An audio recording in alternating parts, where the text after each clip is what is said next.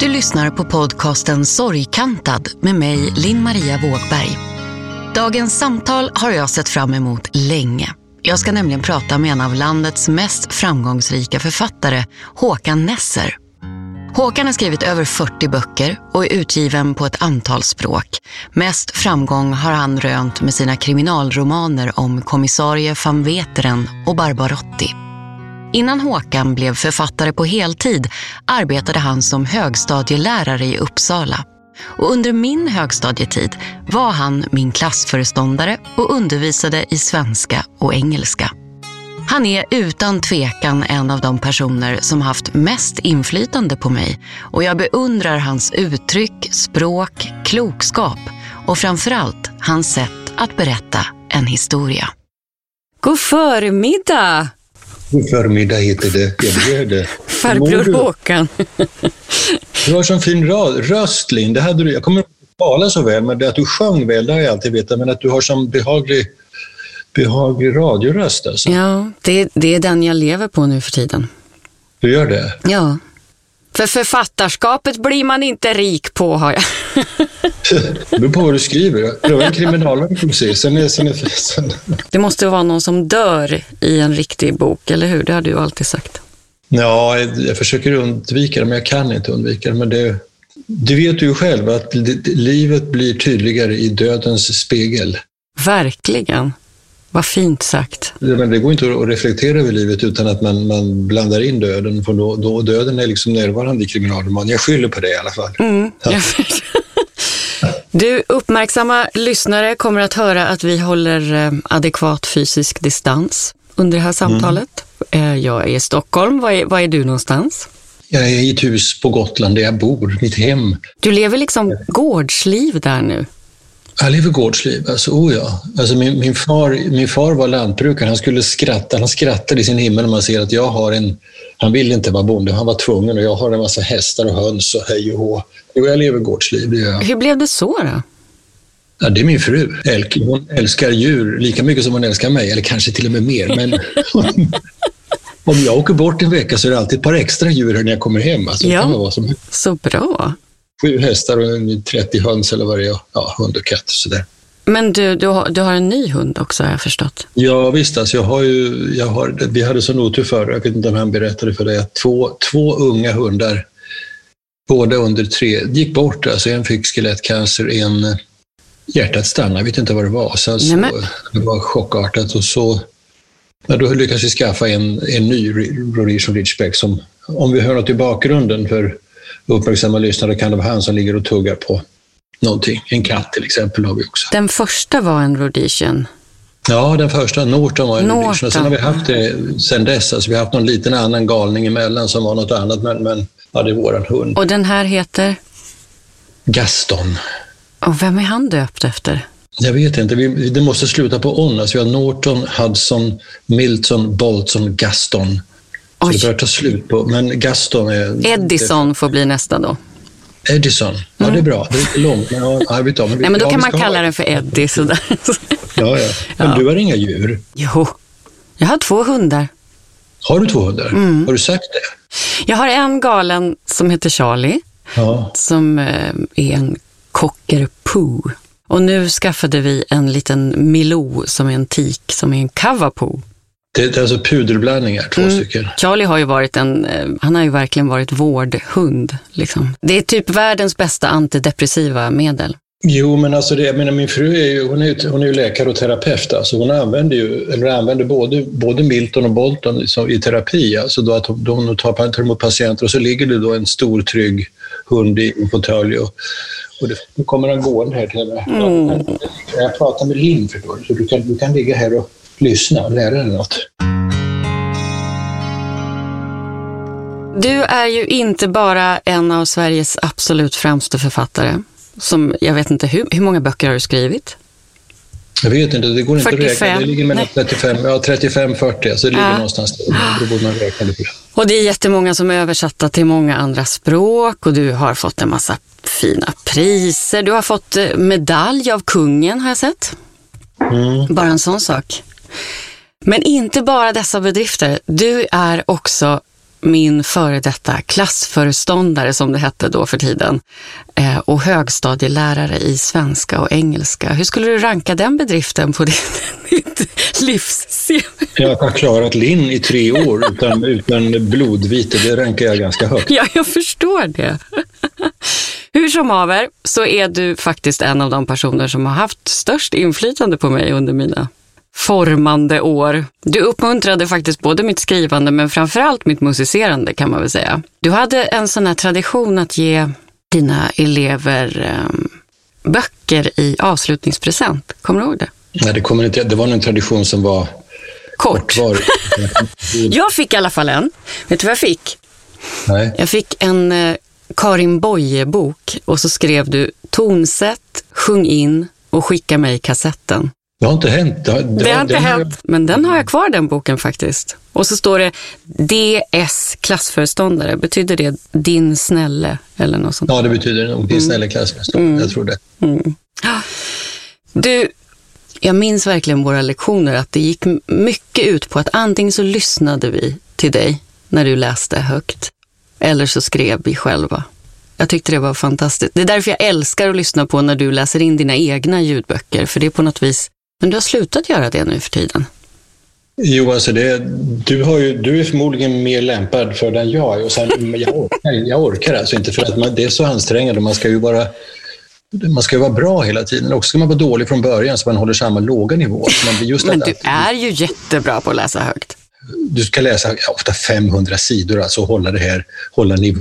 Och man blir så, det känns som att ramla ut ur en, efter en avrättning när man kommer ut ur den här syrefattiga Jag har suttit mycket studier, jag vet. Alltså, men, men jag, det var någon bok som jag skulle börja läsa in det ett par år sedan och efter två kapitel kände jag, jag orkar inte, det Nej. går inte. Nej. Och då sa jag åt han som teknikern att eh, ring till Thomas Bolme.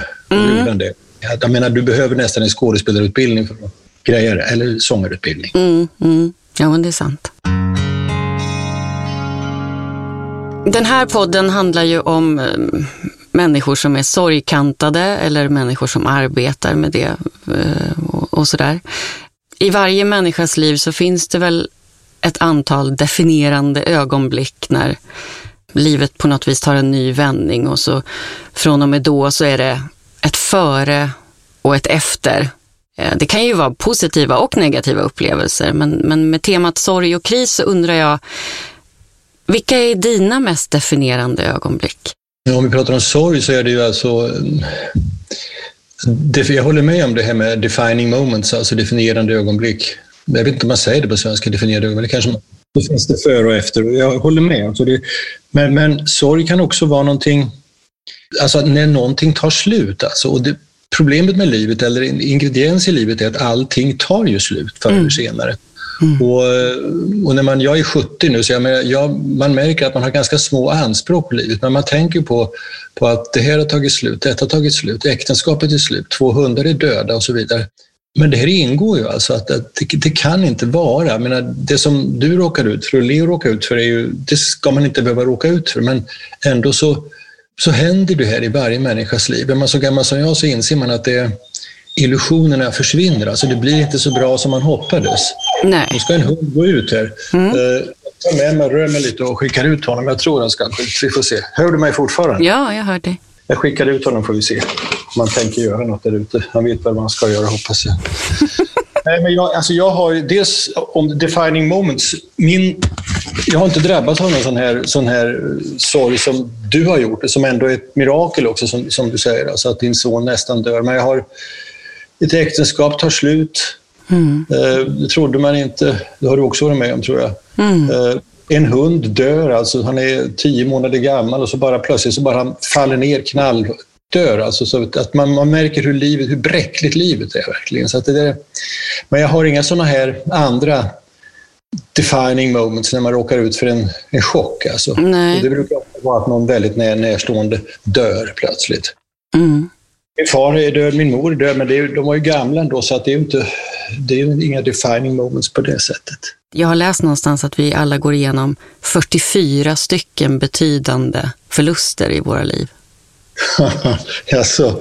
I snitt då? Ja, vem har räknat ut det? Ja, det, är, det är väldigt populärt att sätta siffror på saker. Man vill verkligen det, ja precis. Du måste vänta sju år innan du träffar en ny kvinna efter att du har skilt och så vidare. Det finns mycket, men, men i alla fall så det händer. Det går inte att leva utan att drabbas av detta. Och det ingår i livet som du säger. Och det, kanske är det bra att vara beredd på det lite mera än vi är beredda på det i Sverige, tänker jag. Döden är ju på något sätt undanskuffad. Vi pratar inte om döden. Vi lever i det bästa av samhället. Det kommer inte att hända. Samhället tar hand om allting och du kommer att bli så bra, så bra. Vi kanske kölar in ungdomar och barn lite för mycket. Borde, borde ge, I Vitryssland så vet du att det här är, det är skurkar som styr och det är korrumperat och det, du är beredd på kriser på ett annat sätt än du kanske är i mellanmjölkens förlovade land. Ja, men hur ska man förbereda sig på det då, tänker jag? Jag vet inte, man kanske inte kan göra det, men, men det är ändå Förr eller senare kommer du till en punkt där du, du har ju ofta som ung illusioner av att allt kommer att bli så himla, det kommer att bli så lyckat och mitt äktenskap kommer att bli bra och allt kommer att funka. Men... I viss mån, även om inte jag innan det här med Leo hände så det var inte så att man gick omkring och tänkte att man var odödlig så där som man kanske kände när man var 18-19. Men någon naiv del fanns ju ändå där om att ja visst det kanske blir lite tjorvigt men inget allvarligt kommer väl att hända liksom. Och den känslan var ju ändå kvar ganska lång tid efter. Alltså, nej men det här, det här kan inte hända oss. När Leo råkade ut för olyckan på konfirmationslägret arbetade jag i kyrkan som arrangerade lägret. Ofta fick jag därefter höra, men nu kan du väl ändå inte tro på Gud längre? Och många var de stunder då jag själv undrade, men hur tänkte du nu Gud? Jag hade under den perioden mejlkontakt med Håkan och kände en enorm befrielse i hans resonemang och i hans egen beskrivning av sin tro. En tro han för övrigt delar med sin romanfigur Barbarotti. Så jag vill be honom att berätta lite om det för dig också. Hur får man ihop det här med en tro på Gud och allt hemskt som händer i världen? Och är det rent av så att man själv kan bearbeta sina känslor genom sina litterära karaktärer. Sorg, negativa saker, det kommer ju alltid att finnas, men det, det kan ju gå hand i hand. Du, du, kan fortfarande få vara naiv. Alltså jag har en naiv gudstro till exempel. Som, nej men den är så naiv så den går nästan inte att berätta om. Jag tror, jag tror det finns en Gud och han vill, han vill mig väl. Och jag skrev någonstans att djävulen sover aldrig, men Gud måste du väcka varje morgon. Så att vara troende är en aktivitet. Om du inte är troende så tycker du att de som tror har det så bra. De, de är alltid lyckliga, kan alltid be och så vidare. Men det är inte så. Utan du, det, det, kräver en ansträngning och det kräver det är en relation och, och den är inte enkel. Alltså det, det, jag, jag går inte i kyrkan och jag har inte haft den sedan barnsben, men, men jag, jag tror på bön och jag tror att, att men Guds styrka är beroende av hur starkt vi tror på honom. Eh, om han inte har en massa anhängare så, så, så, så, så han är inte allsmäktig någonsin tror jag, men han får ju mer makt ju mer, ju mer vi tror på honom. Förra gången jag intervjuade dig då pratade vi om det där med teodicé-problemet. Det här med hur kan det finnas så mycket ondska och så vidare. Om det nu är en allsmäktig, kärleksfull Gud. Då förklarade du det så himla bra. Finns det en gud, och det tror jag att det gör, då finns det också en djävul, det finns en motkraft. Alltså det, det, någonstans så, så kristendomen eh, strök, kryssade bort, de deletade djävulen någonstans för några hundra år sedan. Det tror jag var fel, för att det är klart att det finns en, en ond kraft när det finns en god kraft. Det, det, det är jag rätt övertygad om. Det är ganska befriande i alla fall när man börjar tänka, för då på något vis så löser sig alla de där tvivelstankarna på ett annat sätt, tänker jag. Man hittar ju tröst för jag menar botemedlet mot, mot sorg är väl ändå någon sorts tröst, att man måste känna att sorgen finns kvar, men den, den läker långsamt, eller den finns där, men jag behöver tröst för att jag ska kunna leva med den här sorgen. Ja, för jag, jag hävdar ju med bestämdhet att sorg inte är någonting som går över. Den skiftar och Nej. förändras, men att den kommer att finnas kvar hela livet. Man är på något vis alla sina åldrar och man är alla mm. sina sorger också. Om jag har samtal med människor som går igenom sorg och kris, då undrar ju de ofta sådär, men när går det över? Då känns det ju lite brutalt att säga, nej men det går inte över. Nej, det går inte för, för livet går inte över. Sorgen som går över är något fel, tycker jag. Det är, någon har beskrivit sorgen som ett rum, där man, man går in i det rummet och så är man antingen där eller också är man utanför det. Mm. Men det är ju ett sätt att hantera den, att nu, nu tillåter jag mig att sörja en viss tid och sen, så, sen går jag ut ur det rummet och stänger dörren. Och sen, men sen finns den kvar, du, men du kan ändå ha glädje fast du har sorg. Alltså de, de kan gå kanske inte hand i hand, men bredvid varandra. Ja, men nästan så tycker jag att det är. Att ju mer jag låter de känslorna ta plats också, desto mer utrymme får också glädjen. Och den får gå med, sorgen, men den får inte gå före. Alltså den får inte styra mig hela tiden. Och jag kan inte springa ifrån den. Den får bara följa med. Alla undertryckta, starka känslor är ju... Det är något fel. Jag, menar, jag pratar med en LKU-terapeut och, och, och, alla hennes... Nu pratar jag inte om patienter, men, men generellt. Alltså att, det, att känslor som är starka och som är viktiga och som vi försöker lägga lock på, det, det, det, det, går inte, det, det misslyckas, alltså, utan de måste komma fram och så kan, får man hantera dem istället på något Man får göra någonting med dem, man kan förneka dem inte, för då, då mår du inte bra. Det är det där också att, att vi värderar på något vis känslor olika. Att sorg och ilska och besvikelse, att det är på något vis dåliga saker som man ska mm. sluta känna. Det vill jag också komma bort ifrån mer. Jag menar, man kan inte värdera sina känslor så. De har ju en orsak. Alltså, är du arg så, så är du arg på någonting. Det finns, det finns någonting som gör att du är arg. Och då, jag menar, all terapi går ju nästan ut på det här att du har en massa känslor som du, du, du, du inte kan hantera, som, liksom, som, som eh, krossar dig på något sätt. Och, och man kan hitta vägar att, att eh, hantera dem, att de, de blir ändå du kan, du, kan, du kan ha kvar dem, men de, de, de är inte så att de äter upp dig. Hur gör du då för att hantera sådana känslor? Nej, jag vet inte. Jag är nog, jag är nog lite falsk här. Jag sitter och säger sådana här saker och de stämmer. Ja, men de stämmer inte på mig själv så väldigt väl. För jag, det blir, och när man skriver så blir det väldigt mycket, det blir väldigt mycket allmänt. Alltså. Menar, så man går in i böcker så skriver man om personer som verkligen som motsvarar det här jag säger. Men sen när det gäller mig själv så vet jag inte vad jag... Men kanske gör jag mig av med det här behovet av att uh, ha, i och med att skriva om det. Jag vet inte riktigt. Och ibland, så, ibland så drabbas man, det vet ju du också, plötsligt kommer det en våg av, av sorg mm. och sen sköljer den över. Men alla sådana här tillstånd går ju också över. Till och med ångest går ju över. Mm. Ångesten kan, kan, kan slita och riva i dig, men även ångesten tröttnar, så att säga. Och det här är ju en liten tröst. Att man kan, jag, mår, jag kan vara väldigt, inte negativ, men jag kan må, tycka att livet är tungt och att det blev inte som det skulle. Och då ska jag säga då, som har fått det mer bättre än jag förtjänar. Men sen går det ju över alltså. Mm. Utan att jag kanske behöver... Jag kan tillåta mig att känna så här och sen, kan, sen, sen går det över av sig självt. This too shall pass. Är det inte, vem, har, vem är det som har sagt det? Jag kommer inte ihåg det. Ja, det var du alldeles nyss. Ja, precis. This too ja. shall pass. Ja, det är en engelsman naturligtvis. Ja, det jag, borde vara. Ja. Eh, det är så, ja, så är det ju faktiskt, att detta kommer att gå över. Livet kommer också att gå över.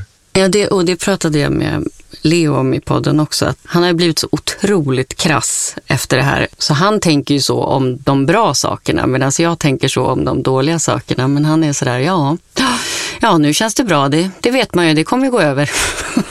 Då låter han som en märking. Alltså, vi, vi är ju kända för det. Ja, fint väder, ja idag ja. Leo, kan han förstå att menar, konsekvensen av att, det är att, att, att leva i, i nuet och njuta av nuet? Jag upplever ju inte att han njuter så mycket faktiskt. Han, är, han ser väldigt krast på det mesta. Sen kan mm. det komma sådär ögonblicks som när han plötsligt får äta en jättegod hamburgare och gråter över att den är så god. Ja, liksom. jag vet, jag, jag men, men de är väldigt få de där ögonblicken. Mm. Och det är ju det som vi har kämpat nästan, eller som jag som mamma har kämpat mest med. Att det är tungt att på något vis motivera någon annan person till livet. Mm. Ja, det är väldigt tungt. Det kanske är rätt stor del av livet passager som du säger, att vi går igenom det är klart att Leo bearbetar det här på något sätt och det kanske är, det kanske är rätt sätt för honom att bearbeta det på, att vara lite självironisk och lite krass och så här. Ja. Eh, man hör det på honom när han pratar. Jag har inte aldrig träffat honom, men jag hör på honom när han säger att han är rolig. Och det, det, är ganska, det är ganska tacksamt att vara självironisk och rolig. Alltså det är lätt mm. att hitta sådana repliker och sådär. Och det gör han ju med, med stor finess. ja. Vi skrattar mycket faktiskt. Jaha, du behandlar min död som skit under naglarna. Det är en väldigt bra replik. Det kan du ha. ja. Nej, han, är, han, är, han räds inte att skuldbelägga sin ömma moder, det ska jag tala om. Jag lovade ju honom liksom en moppe om han skulle konfirmera eller liksom åka på konfirmationsläger. Det har man fått höra. Det var en jävla dyrköpt moppe det där morsan. Ja, visst. Ja, visst. Jo, visst. Nej, men alltså, det, det kanske bästa sättet att skratta åt döden också. Alltså det, det, Ja. nej, men I min släkt, framförallt på min pappas sida, alltså det, det hade man döden i, bredvid sig i passagerarsätet nästan hela tiden. Alltså var, man bara liksom, jaha du, du, du ser mager ut, du trillar nog snart av pinn. Och så där. Det var inget all, allvar i döden. De kunde nästan skratta åt döden, åtminstone när de träffades tillsammans. Sen var, fanns det väl ett annat djup också när de var ensamma, men det var annars att döden, det var inga större problem. Och det kanske är rätt sätt att hantera döden, för vissa i alla fall, att man får, vi ska ju dö, det är det enda vi vet, hur vi accepterar det, det kan man väl garva åt om man tycker det passar. Det kanske är en, i alla fall en metod som vissa kan greja. Eh, just som du sa det där, att när man har stirrat den i vitögat på något vis och den, den släpper liksom inte taget efteråt. Den finns väldigt närvarande hela tiden därför att, ja men på grund av att man på riktigt blivit varse den. Jag håller med. Alltså, och då, då är ju, det finns ju någon som har sagt, jag vet inte om vi pratar om till exempel Dostojevskij när vi läste Jo litteratur. då. Han, han ställs alltså inför exekutionsplutonen när han är, jag kommer inte ihåg, 25 år gammal. Han ska dö. De, de, de, de säger lägg an och de ska skjuta och då kommer det in någon sån här och ropar avbryt och så blir de fria. Han trodde han skulle dö. Och från det ögonblicket när han istället för att få dö så får han, ja, han får ett liv. Och, och han säger alltså att då förändrades, då värderade jag varje sekund, varje ögonblick av det fortsatta livet på ett helt annat sätt. Så att det, det är inte så dumt att ha kanske att ha stirrat döden i vitögat på det sättet. Det finns ju andra som har sagt ungefär samma sak, som har varit så nära döden och sen, och sen ändå fått leva vidare, att man, är, man får en tacksamhet och en, en vördnad för livet som man inte hade innan. Nu Leo var ju så, så, var ju så märkligt och han var ju så pass ung också när det hände så att han, jag tror att barn som drabbas av, av det kanske Ja, de är inte, jag vet inte, de är inte mogna för att se det på det samma sätt som Dostojevskij. Du kan ju fråga om Leo tycker att han ska läsa den Dostojevskij frågan så uppmana honom att göra det. Jag ska göra det. Det är ju en ålder när man, när man är på väg ut i vuxenlivet. Och, jag menar, och sen har man, jag brukar säga, man har så friska ögon i den åldern, 14-15. Du- vad- Det här är rätt och det här är fel och det här är gott och det här är ont. Man, man, är, väldigt, man är väldigt svartvit. Och, och man är väldigt moralisk i den åldern också. Man, man blir rasande på orättvisor och sånt här. Och sen så, med åren så, så grånar det här och blir till någonting annat. Man, man, man, det är en fantastiskt frisk ålder att vara 14, 15, 16 år. Hur var du som 15-åring? Ja, jag vet inte. Jag var, jag var långhårig och rökte. Odräglig på något vis. Mods var jag, hette det då. Man gick omkring i skitiga med amerikansk parkas. Mm. Och maskig dojor och rökte pipa och försökte verka intellektuell. Vitt jag fasen, jag var nog rätt odräglig. Du är ju från 90-talet och ni är så mycket bättre alltså, än, än vad, vad jag var. Mycket klokare. Jag tror att generationerna har... Och, ni, och de säger också nu att nu har vi först, eller som jag råkade ut för, att barnen är smartare än föräldrarna. Det var ju nästan det första som man insåg när man blev förälder, att jag, jag lever i en generation där det var, vi, var, vi var trögare. Men tror du inte att det är så för varje generation? Jo, det kanske är det, Jag hoppas jag. tänker att det förädlas hela tiden. Det måste på något vis göra det evolutionsmässigt. Men, jag växte upp på 60-talet, Tony. det var ju hur enkelt som helst. Det var ju bara, allt var ju bara en lysande framtid på gummimadrasser som sossarna sa. Man skulle, och det, var det var så lätt alltså. Men man har inte blivit klokare med åren, det tycker jag inte. Jag tycker att det känns som man är fortfarande 16 år och vet ingenting. Känner du att du är klokare nu än när du gick på högstadiet? Ja, Det är du nog. kris är ju utvecklande. Ja, Så att eh, man får ändå säga att det har givit någonting också. på den personliga utvecklingsfronten. Du gick på högstadiet så uppfattade inte jag det att du var troende. När blev du det då? Jag tror jag konfirmerade mig när jag var, apropå konfirmation, då var jag väl 35 tror jag. Mhm. Ehm, Du är mogen som din man. Ja. verkligen. Jag var väldigt ensam i min konfirmationsgrupp.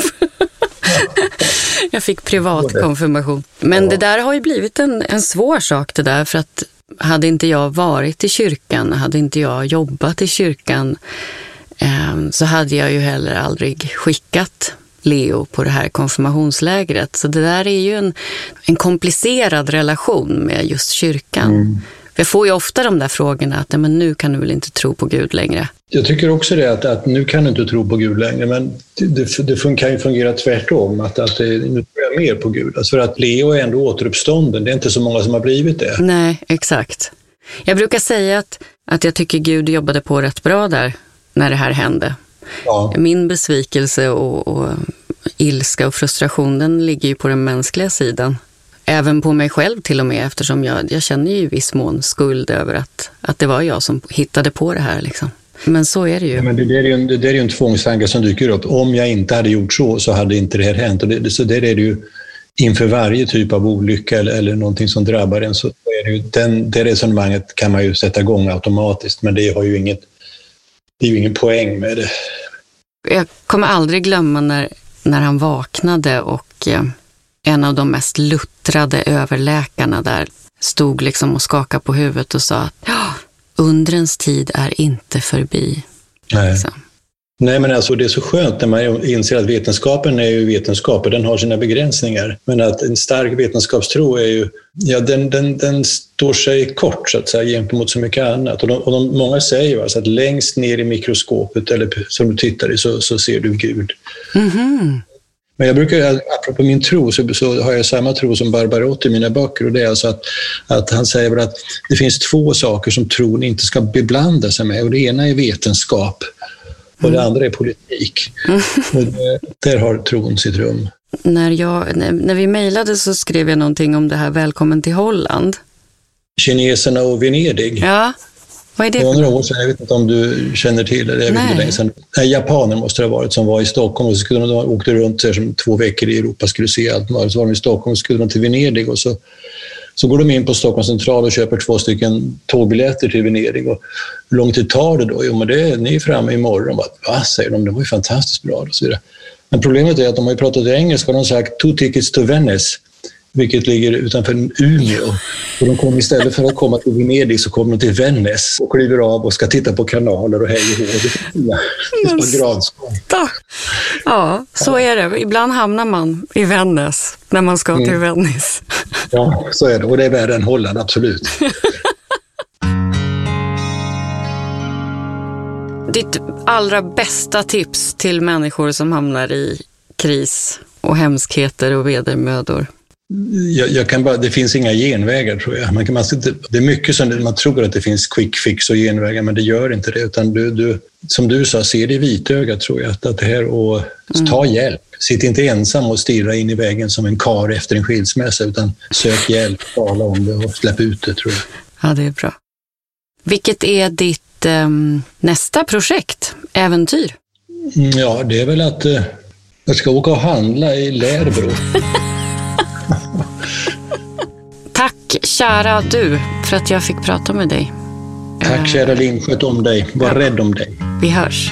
Det gör vi. Hej hej. Hej. Hej. Du har lyssnat på podden Sorgkantad med mig, Linn Maria Vågberg och dagens hedersgäst Håkan Nesser. Håkans senaste bok heter Den sorgsne busschauffören från Alster och hans nästa bok väntas någon gång i juli 2021. Själv rekommenderar jag att leta upp någon av hans egen inspelade ljudböcker. Det finns ingen som läser högt lika bra som min före detta klassföreståndare Håkan Nesser.